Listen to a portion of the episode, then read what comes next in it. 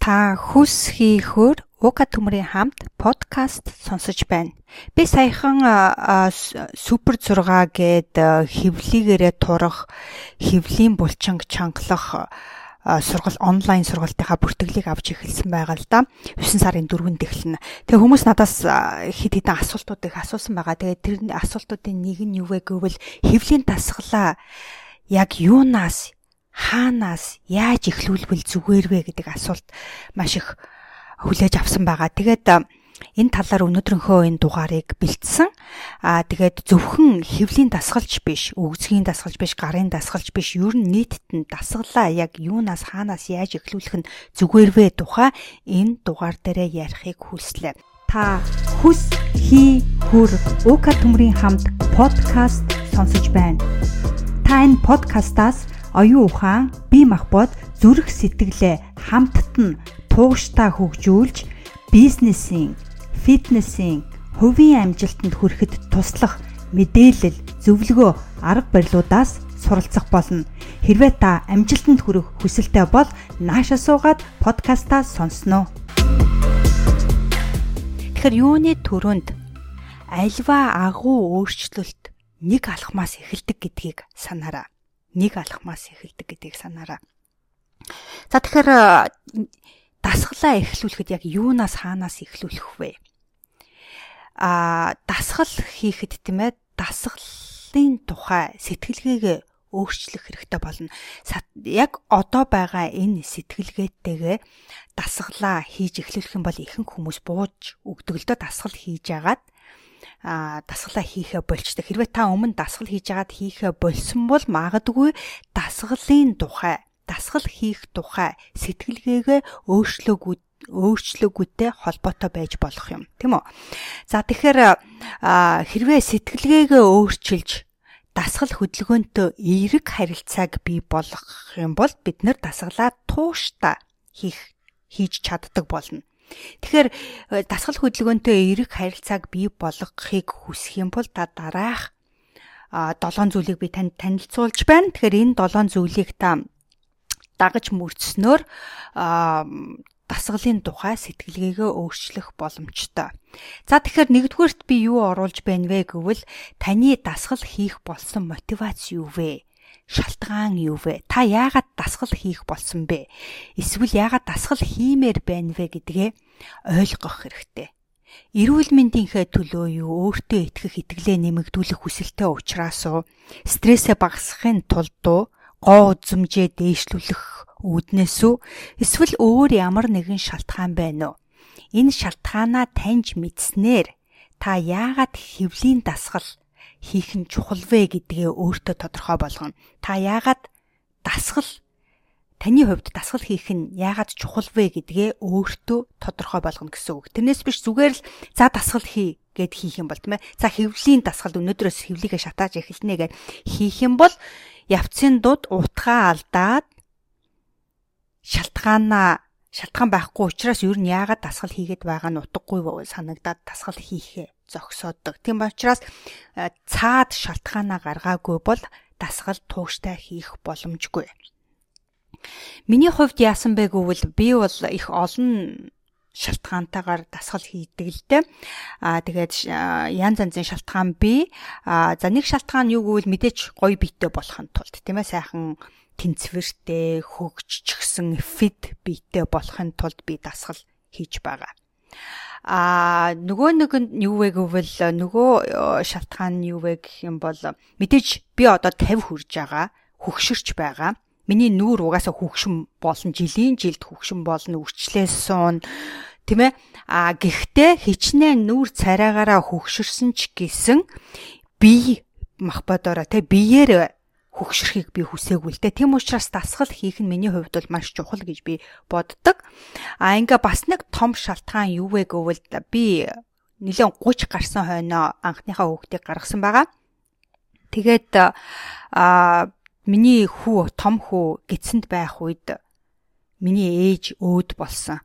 Аа тэгээд хүн тийм ээ би 20 эд настай байхад мэдээж өө ээж гэл ээжигээ ойлгохгүй л аавыгаа ойлгохгүй л байгаад байдгүй байсан аль болох найз нартайгаа уулзаал явж ивэл гоё санагддаг байсан л та. Аа тэгээд яг өөрөө ээж болох тэр цагт тийм ээ ээжтэйгээ улам дотносон чи ээжигээ улам ойлгохыг хүсэж ээжтэйгээ улам яриа өрнөхийг хүсэж тийм ээ ээжтэйгээ өнгөрөх цагийг илүү өнгөрөх тийм хүсэл ирмэлцэлтэй болдгийм байна лээ. Тийм болохоор би анхныхаа хүүхдийг жирэмсэн байх үед миний ээж өөд болсон учраас яг тэр нөгөө ээж хэрэгтэй болсон тэр үед манай ээж маань өөд болсон учраас надад маш их харамсалтай санагдаж байсан.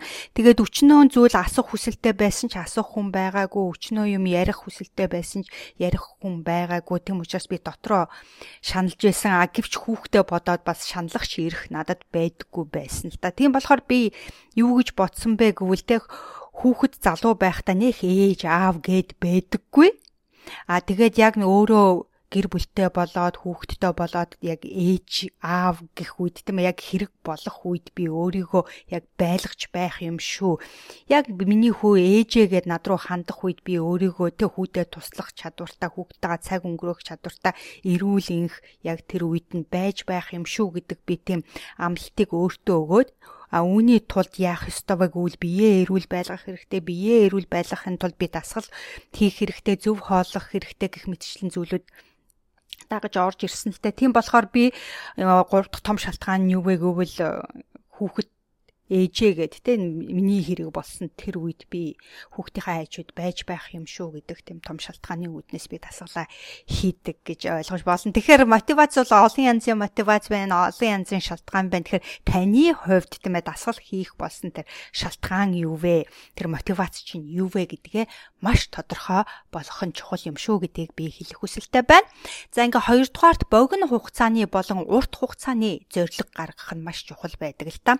Тэгэхээр маш тодорхой хүрэх боломжтой зориг гаргах нь зүйтэй. Зориг гаргахад дүрм журам гэж байхгүй. Тиймээс цаас харандаа аваад өөрийнхөөрөө өөрийнхөө бодсныг бичнэ гэсэн үг. Үүнд болохоор заавал зориг гаргахад 1 2 3 4 баримтлах ёстой гэсэн тийм зүйл байхгүй. Аа жишээлх юм бол ойрын зориг гэвэл тийм ээ дараагийн 30 хоногт одоо 9 сар болж байна. Тэгэхээр энэ 9 сарын таны зорилго юу вэ? Фитнесийн зорилго чи юу вэ? Дасгал хийх зорилго чи юу вэ? Энэ тухайга бодож байгаад бичнэ гэсэн үг. Жишээлбэл 30 хоногийн турш би 7 хоногийн 5 өдөр, эхний 5 өдөр өглөө болгон хүүхдүүдээс ирэхээс өмнө, ажилдаа явхаас өмнө, хоолундаа идэхээс өмнө өглөөний 7:00 цагт хөвлийн дасгалыг 10 минут хийн гэж бичих жишээтэй. Тэгэд энэ 10 минутанд яг ямар дасгал хийхээ бас мэдэж аваад бичнэ. Жишээлбэл үндсэн планк буюу хажуугийн хоёр хажуугийн планктад хамтд нь хийн. Планк тус бүрийг 30 30 секунд хийж түүнийгээ 3-аас 4 удаа давтна. Аа тэгээд үүнийгээ 7 хоногийн 5 өдөр хийн гэдгийг амжилтынхаа дэвтрийг нээж байгаад 30 хоногийн ойрын зориг болгон бичнэ гэсэн үг. Ингээд биччихээр та дараагийн 30 хоногт яг юу хийхээ хэдэн цагт хийхээ мэднэ гэсэн үг. А хэрвээ та за энэ дараагийн би үнэхээр дасгал хийх хүсэлтэй байна а гэж бодож байгаа бол тийм ээ би яг юу яг ямар дасгал хийхээ мэдэхгүй нь үнэхээр надад тусалцаа хэрэгтэй байна уука гэж байгаа тохиолдолд би таныг супер 6 хэвлийн булчингийн онлайн сургалтанда үрж байна. Та уука төмөрцөг.com зураас тата супер 6 гэдэг ороороо эсвэл уука төмөр тэр надтай сошиал медианууд дээр харьцаараа нэгсэндээ над руу мессеж бичээрэй, DM бичээрэй. Тэгээд би тань руу холбоосыг явуулах болон та тэгээд өөрийгөө бүртгүүлээд энэ сургалтанд орох боломжтой. Энэ сургалтанд бид 30 хоногийн турш хевлийгээрээ турж хевлийгээ чангалах дасгал хийх болно. 7 хоногийн 5 өдөр хийх болно. 15-аас 25 минут өдөр болгоно хийн. А тэгээд энэ дэлгэрэнгүй мэдээллийг авах би холбоосыг тань руу явуулах болно. Хэрвээ та ямар дасгал хийхээ мэдэж байгаа тохиолдолд энэ 30 хоногийнхоо зорилгыг гаргаараа яг 7 хоног хэдэн цагт хизээ 7 хоногийн хэдэн удаа ямар дасгал яаж хийх үү хэдэн минутаар хийх үү тэр бүгдийг маш нарийн богино хугацааныхаа зорилгыг гаргаараа. Богино хугацааны зорилго гаргасны дараа урт хугацааны зорилго гаргана. Та дасгал хийснээр яг ямар болмоор байна вэ? Одоогоос 5 жилийн дараа гэхэд та яг ямар төвшөнд очих вэ зэрэг зүйлүүдийг бодож бичнэ гэсэн үг. Ингэж бичснээр энэ нь танд чиг баримжаа өгөхөөс гадна амжилтыг урьдчилж мэдрүүлж чаддаг учраас тэ урьдчилан мэдрүүлж чаддаг учраас таны тогтмол тасгал хийх урам зоригийг нэмэгдүүлнэ гэсэн үг. Тийм учраас энэ урт хугацааны зорилго гаргах нь маш чухал байдаг. Чиг баримжаа өгөхөөс гадна таны амжилтыг өөрчлөн мэдрүүлж чаддаг. Жишээлбэл би өгцгөө хөгжүүлэх аянд гарсан л та хэдэн жилийн өмнө. Тэгээд үгзэг тийм ээ нас явах тусам нөгөө үгзэг чинь доошоо гоноо унждаг хүүхэд гарах тусам үгзэг доошоо гоноо гоёрууга урсаж ордог тэгээд минийх ч бас орцсон байсан тийм болохоор би энэ үгзгийг чангалж үгзгөө гаргаж ирэх хүсэлтэй байсан Тэгээд би Instagram дээр явж байгаад нэгэн өгзгөө хөгжүүлсэн бүсгүйгээс асууж исэн. Ингиж өөртөө чи адилхан өгзөг хөгжүүлэхийн тулд хэдэн жил дор хаяж тийм ээ хэдэн жил болох хэрэгтэй вэ гэж асуусан чинь надад 5 жил гэж хариулсан байхгүй. Тэгээ би тэр үед өгзгөө хөгжүүлээд 1 2 жил болцсон ч илүү яалаа. Ковидын үе байсан шиг санагдаж байна. Тэгээд пөөх 5 жил болох юм байна гэдгийг би э, мэдэж аваад за ямар ч л байсан 5 жил бууж өглөхгүй дасгалаа хийсээр байх хэрэгтэй юм байна шүү гэдгийг би өөртөө хэлсэн л дээ. Тэгээд э, тэр нь надад маш их тус болсон. Хичнээн 1 жил болоо 2 жил болсон ч өгцөг хөгжихгүй байгаа юм шиг санагдсан ч гэсэн үр дүнгөө үүсэхийн тулд 5 жилийн турш дасгалаа хийх хэрэгтэй юм байна гэдэг ойлголтыг надад өгсөн учраас тэр дасгалаа би дасгалдаа бууж өгөлгүйгээр цаашаа өргөжлүүлэн хийсэн. Тийм учраас ерөнхийдөө тийм ээ бие хөгжүүлэхэд дор хаяж а 2 жил хэрэгтэй гэдгийг мэдэх хэрэгтэй. Жишээлбэл та жин нэмсэн байгаа бол хэдэн жилийн турш жин нэмсэн бэ? Хэрвээ та сүүлийн 2 жил тасралтгүй жин нэмсэн бол дараагийн 2 жилээс тэ өнөөдрөөс дасгал хийснээр дараагийн 2 жилийн турш жингээ хасна гэж ойлгож болно.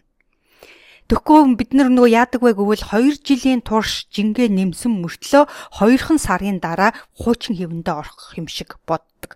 Тэгээ 2 сарын дараа тодорхой нөөрх нь бодсноор үр дүнд хүрэхгүй байхад урам хугараад бууж өгдөг л төө. Тийм учраас зүгээр нэг логикоор ботход 5 жилийн турш хэрвээ та дасгал хийгээгүй жин нэмсэн бол болиг гэхэд 5 жилийн турш та дасгал хийснээр хуучин жингээ олж авна гэдгийг бас ойлгох хэрэгтэй. Гэхдээ хүн бүр өөр, дасгал бүр өөр, дэглэм бүр өөр Тэгэхээр яг ямар дасгал хийж байна вэ? Хэр их хугацаатаагаар хийж байна вэ? Тийм ээ яаж хоолоо зохицуулж идэж байна вэ? Таны бие махбод ямар вэ? Тэр бүгдээс хамаарат магадгүй та 5 жилийн турш жин нэмсэн ч гэсэн 2 жилийн дотор жингээ хасах магадлалтай. Тухайн дасгалаасаа шалтгаална, хэр их давтамжтай хийж байгаагаасаа шалтгаална, ямар дасгал хийж байгаагаас шалтгаална, ямар хоол идэж байгаагаас шалтгаална гэдгийг бас сайн ойлгох хэрэгтэй юм шүү. Тийм учраас ойрын хугацааны зорилго гаргаж холын хугацаа тий одоогоос 5 жилийн дараах 2 жилийн дараах 3 жилийн дараах холын зорилгоо гаргаснаар а бидэнд яах вэ гэвэл яг юу хийх ёстойгоо мэдж сар сар болгондоо юу юу хийх ёстойгоо мэдэх боломжтой мөн чиг баримжааттай болж өгөхөөс гадна амжилтыг өөрөө урьдчилж харж өөрийнхөө бидээр мэдэрч чадсан учраас бид нар тэр зорилгоо биелүүлэхэд илүү дөхөн болно, төвчээртэй хандна, зорилготой хүрч чадна гэсэн үг. За ингээ хоёрдугаарт богино хугацааны болон урт хугацааны зорилго гаргана. Нэгдүгüүрт дасгал хийх болсон шалтгаанаа гаргана гэсэн тийм ээ. Ингээ гуравдугаарт дасгал хийх бодлоо өөрчилнө. Бид яадаг байггүй бол дасгал хийхдээ ёо яаж дасгалаа хийнэ хийх ёстэй гэдэг нөгөө дасгалаа ажил болгож хардаг л та.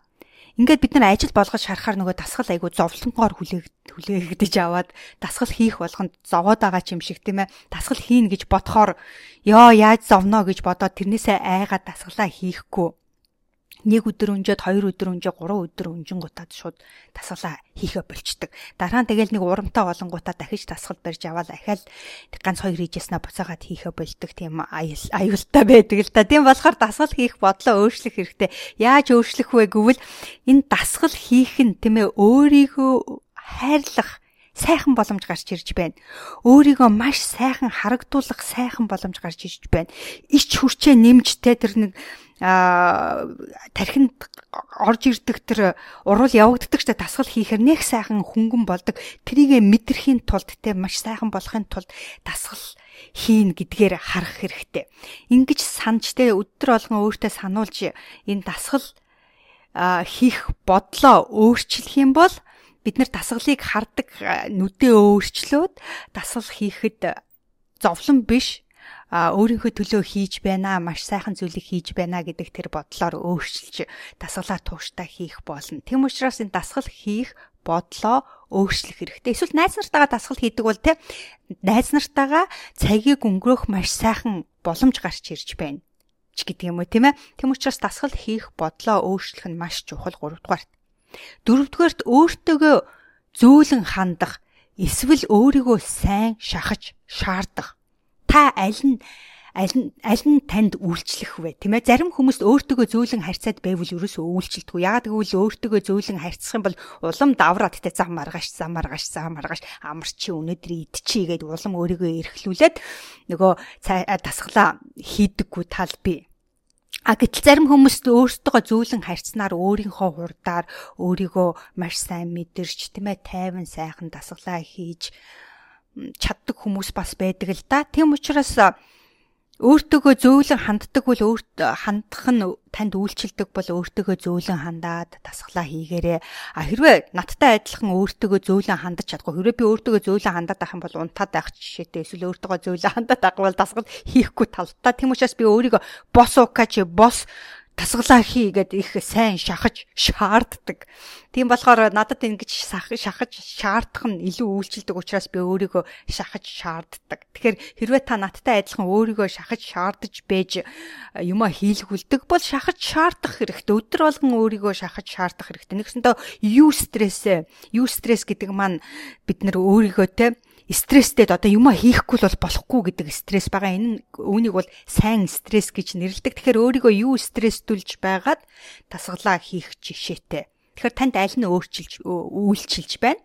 Зөөлөн хандах нь үйлчилж байна уу? Эсвэл загинж шахаж шаардах нь үйлчилж байна уу? Аль нь үйлчилж байна? Трийг хэрэглээрэ гэдгийг хэлэх хүсэлтэй байна.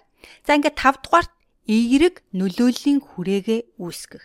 Инх гэдэг байгаа шүү дээ, тийм ээ? Эерэг нөлөөлийн хүрээгээ үүсгэх хэрэгтэй өөрийгөө дасгал хийдэг хүмүүсийн дунд аваачих. Хэрвээ дасгал хийдэггүй хүний дунд аваачих юм бол бид нар чамааг уруу татаад дасгалыг чинь хийлгүүлэх зад наадах маргааш хийчихээ. Хоёлоо өнөөдөр тийшээ явчихил та нэг сайхан хоол идчихил та сайхан торт аваад идчихил та кофе уучил та ч гэдэм үү. Дасгалыг таслуулах хандлагатай байдаг. А хэрвээ дасгал хийдэг хүмүүсийн дунд аваачих бол за дасгалаа хий бос бос явъя дасгалаа хий гэх жишээтэй тийм ээ. Тэгэхээр эерэг нөлөөлийн хүрээгээ хэрвээ үүсгэхгүй бол та эерэг нөлөөлийн хүрээгээ үүсгэрээ. Түрүүний дугаарыг бас та сонсороо эерэг нөлөөлийн хүрээгээ хэрхэн яаж үүсгэх тухай би түрүүчийн дугаар дээр бас оруулсан байгаа. Тэрийг сонсороо заяа за тэгэхээр зовлон нэгтэй биш зориг нэгтэй хүмүүсээр өөрийгөө хүрээлүүлэх. Хүмүүс ихэвчлэн зовлон нэгтэй хүмүүстэй найзлахыг хүсдэг. Ягаад гэвэл миний зовлонг энэ ойлгодог учраас би зовлонгоо энд ярьлаа, энэ надад зовлонгоо ярьлаа, бид хоёрын яриа нэгдээд маш сайхан найзлаад явах жишээтэй. Тэгэхээр зовлон нэгтэй биш. Зориг нэгтэй хүмүүстэй нийлэх хэрэгтэй. Зовлон өөр өөр байж болно. Хэрвээ та хоёрын зориг нэг бол дасгал хий гэдэг зоригтой бол Та хоёр бие бинийгээ урам өгөө дэмжиж цаашаа зоригтой хүрэхин тулд засгалаа хийгээд явна гэсэн үг л дээ. Тэм учраас зовлон нэгтэй биш зориг нэгтэй хүмүүсээр өөрийгөө хүрээлүүлэх нь маш чухал байдаг. Хэрвээ та ийм хүмүүсийг хаанаас олохоо мэдэхгүй байгаа бол би таныг супер 6 хевлийгээрээ турах, хевлийгээ хөгжүүлэх, чангалах энэ онлайн сургалтанд урьж байна. Хэрвээ энэ сургалтанд суухыг хүсэж байгаа бол 9 сарын 4-нд эхэлнэ. Суухыг хүсэж байгаа бол сошиал медианууд дээр над руу бичээрэй. DM бичээрэй, мессенжер бичээрэй, уука холбоосоо явуулаарай гээрээ би холбоос тань руу явуулна. Тэгээд та дэлгэрэнгүй мэдээллийг аваад өөрийгөө бүртгүүлээд 4 9 сарын 4-өөс хамтдаа дасгал хийж эхлэх эхэлж олон бүсгүүчүүдтэй танилцаж, олон хүмүүстэй танилцж, зориг нэгтэй хүмүүстэй нийлэх боломжтой гэдгийг хэлэх хүсэлтэй байна. Хэрвээ та энэ дугаарыг 9 сарын 4-өөс хойш сонсон бол 10 сард, 11 сард, 12 сард эсвэл 24 онд сонс хизээч өнөөдрөөс хойш сонсож байгаа бол сар болгон би хэвлийн дасгалаа онлайн сургалтаа ажиллуулах хүсэлтэй байгаа. Тэм учраас дараагийн сургалт хизээ бүртгэх вэ гэдгийг над мэдэж авахыг хүсвэл мөн ялгаагүй сошиал медианууд дээр надтай холбогдороо над руу мессеж бичээрэй, DM бичээрэй, комент бичээрэй би танд хэлэх болно. За ингээд тав дахьт нь эерэг нөлөөлийн хүрээгээ үүсгэн. За 6 дугаарт үйл явцаа тэмдэглэх. Ахиц дэвшлээ тэмдэглэж эхлэх. Амжилтын дэвтрээ нээж байгаад ахиц дэвшлээ тэмдэглэж эхлээрээ та хэрхэн яаж өөрчлөгдөж байгаагаа харахад урам зориг өгдөг юм шүү. Тэм учраас өчигдөр ямар байсан өнөөдөр ямар болов хэрхэн явагдчих байна тэр бүгдийг амжилтынхаа дэвтэр дээр бичээрэй. Аа мөн юу хэмжигдэн тэр зүйл сайжирдаг дээшилдэг учраас химжих хэрэгтэй. Зарим хүмүүс айгаад за өнөөдөр торт идсэн боли боли жингээ үзэхэ боллоо гэд айдаг л да. А гэхдээ бид нүүр тулаад айцстагаа тэ нүүр тулаад за өнөөдөр торт идсэн жин нэмэгдсэн байна. Торт идсэн өдөр өчнөө килограмм нэмдгийм байна. Торт идээгүй өдөр өчнөө килограмм турдгийм байна гэдгийг мэдэж аваа тэрийгэ химжих тэ түнтэйгээ ажилласнаар хүн илүү амжилт гаргадаг юм шүү. Тийм учраас амжилтынхаа төвтрийг нээж байгаад үйл явцаа тэмдэглэж хөтлөөрөө ингэснээр бид илүү амжилтыг гаргах болно. Түүнээсээ урам аавна юу болж байна, юу болохгүй байна гэдгээ мэдэж авдаг юм шүү гэдгийг хэлэх хүсэлтэй байна. 6 дугаарт. За ингээ эцэст нь 7 дугаарт өөртөө төвчээртэй хандаарай. Сэтгэлгээгээ өөрчлөхөд хугацаа хэрэгтэй. Дасгал хөдөлгөөнтэй эерэг харьцааг бий болгох нь тасралтгүй тууштай аян гэдгийг хүлийн зөвшөөрөх хэрэгтэй. Бид 24 цагийн дотор сэтгэлгээгээ өөрчлөхгүй. Бид 24 цагийн дотор өөрчлөлт гаргаж чадахгүй. А тодорхой хэмжээний хугацаанд бид сэтгэлгээгээ ч өөрчлөн үр дүнгээ ч үзэж эхлэх учраас өөртөө төвчээртэй хандаараа амжилтанд хүрэхэд хугацаа хэрэгтэй шүү. А богино хугацааны дотор амжилт гаргана гэсэн ойлголт байдаггүй. Хэрвээ тийм ойлголт байгаа бол тэр сэтгэлгээгээ өөрчлөөрөө гэдгийг би бас хэлэх хүсэлтэй байна. Тэгэхээр амжилт гаргахад хугацаа хэрэгтэй байдаг өөртөө төвчээртэй хандаарай. Аа дасгал хийх сэтгэлгээгээ 24 цагийн дотор өөрчлөх боломжгүй. Энэ нь аажмаар явагддаг үйл явц. Явцын дунд танд юу сайн үйлчилж байна вэ, юу тохирж байна вэ гэдэг дээр анхаарлаа төвлөрүүлж оюун ухаанаа байнга нээлттэй байлгаж байх нь зүйтэй. Тэгээд цаг хугацаа өнгөрөх тусам таны сэтгэлгээ өөрчлөгдөж дасгал хөдөлгөөн таны амьдралын эерэг тааламжтай хэсэг болж хувирах болно гэдгийг би танд сануулгах хүсэлтэй байна. За тэгэхээр эдгээр 7 зүйлийг та дагаад үзээрэй. Ингэснээр та сэтгэлгээгээ ч өөрчлөх болно, үр дүнтэй ч үр дүн сайн гаргаж чадах болно. Тэгэхээр зөвхөн хөвлийн дасгалч биш, ер нь ямар нэгэн дасгал эхлүүлэхэд шалтгаанаа мэдэх хэрэгтэй, мотивац юу вэ гэдгээ мэдэх хэрэгтэй. Богино болон урт хугацааны зорилгоо гаргах хэрэгтэй, дасгал хийх бодлоо өөрчлөх хэрэгтэй, дасгалыг харах тэр бодлоо өөрчлөх хэрэгтэй. Өөртөөгөө зөөлөн хандах уу эсвэл өөрийгөө шахаж шаардах уу гэдгээ мэдэх хэрэгтэй. Эрэг нөлөөлийн хүрээгээ үүсгэх, үйл явцаа тэмдэглэх амжилтын дэвтэр дээрээ мөн өөртөө төвчээртэй хандах нь чухал юм байна шүү гэдгийг мэдэж авахд илүүдэхгүй баха. За тэгэхээр би танд дахиж хэлмээр байна хэрвээ та миний супер 6 хэвлийгээрээ турах сургалтанд суух хүсэлтэй байгаа бол одоо бүртгэл авч эхлээд байгаа 9 сарын 4-нд эхэлнэ. Тэгэхээр та бүртгүүлээрээ хаана яаж бүртгүүлэхээ мэдэхгүй байгаа бол над руу сошиал медианууд руу имэйл бичээрэй. Эсвэл info @uka.com руу бас захидал илгээж болно. Эсвэл миний явуулсан захидал руу хариу илгээж болно. Сошиал медианууд дээр харьцах боломжтой. Тэгээд э, хэдүүлээ 9 сарын 4-нд дасгалаа хамтдаа хийж эхлэе.